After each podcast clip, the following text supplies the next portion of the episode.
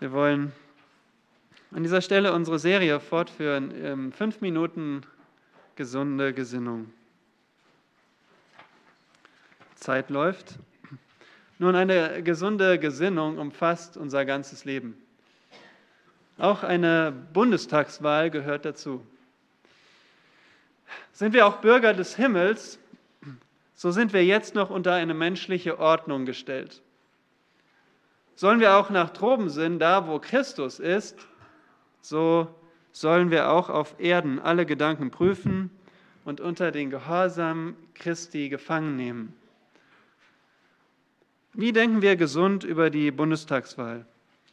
Und dazu möchte ich euch zwei Erinnerungen und einen Ratschlag geben.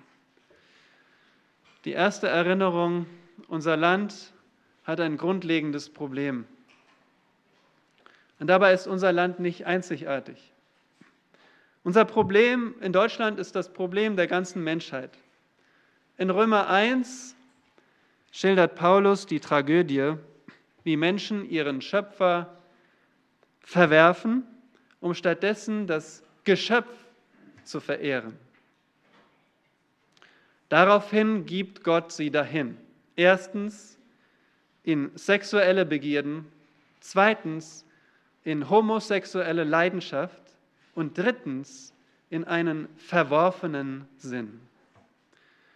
Gestern habe ich in den Regierungsprogrammen von prominenten Parteien gelesen.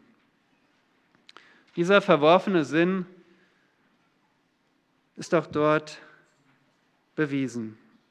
Dieser verworfene Sinn kommt aus der Sünde dem Ungehorsam gegen Gott. Und unser grundlegendes Problem in diesem Land ist die Sünde. Eine zweite Erinnerung. Nur eine Partei hat die universale Lösung. Meine automatische Suche in, den, in sieben Regierungsprogrammen nach dem Namen Gottes ergab null Treffer.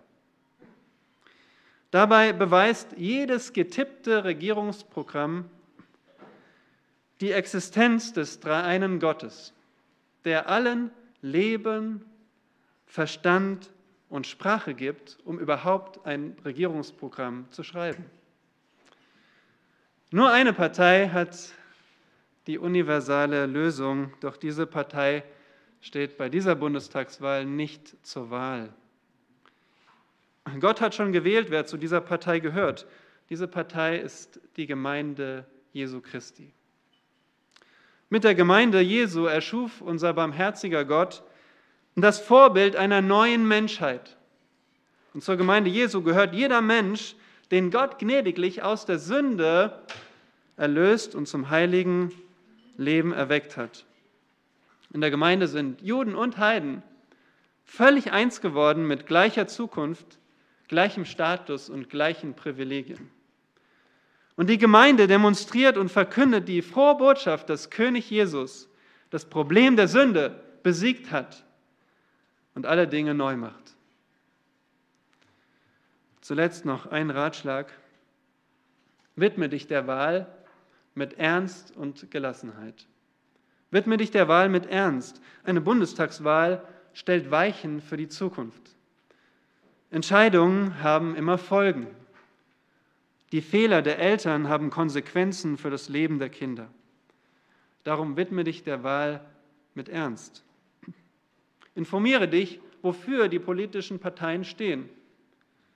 Welche Übereinstimmung gibt es mit Gottes Geboten? Wer wird vermutlich mehr Böses verhindern? Vor allem aber bete viel zu dem Herrn. Und dann triff eine Entscheidung vor dem Angesicht Gottes, ob du wählst, wie du wählst und wen du wählst. Widme dich der Wahl mit Gelassenheit. Gelassenheit, weil Gott seinen Thron in den Himmeln aufgerichtet hat und seine Herrschaft über alles regiert. Keine Koalition kann Gottes vollkommenen Plan aufhalten.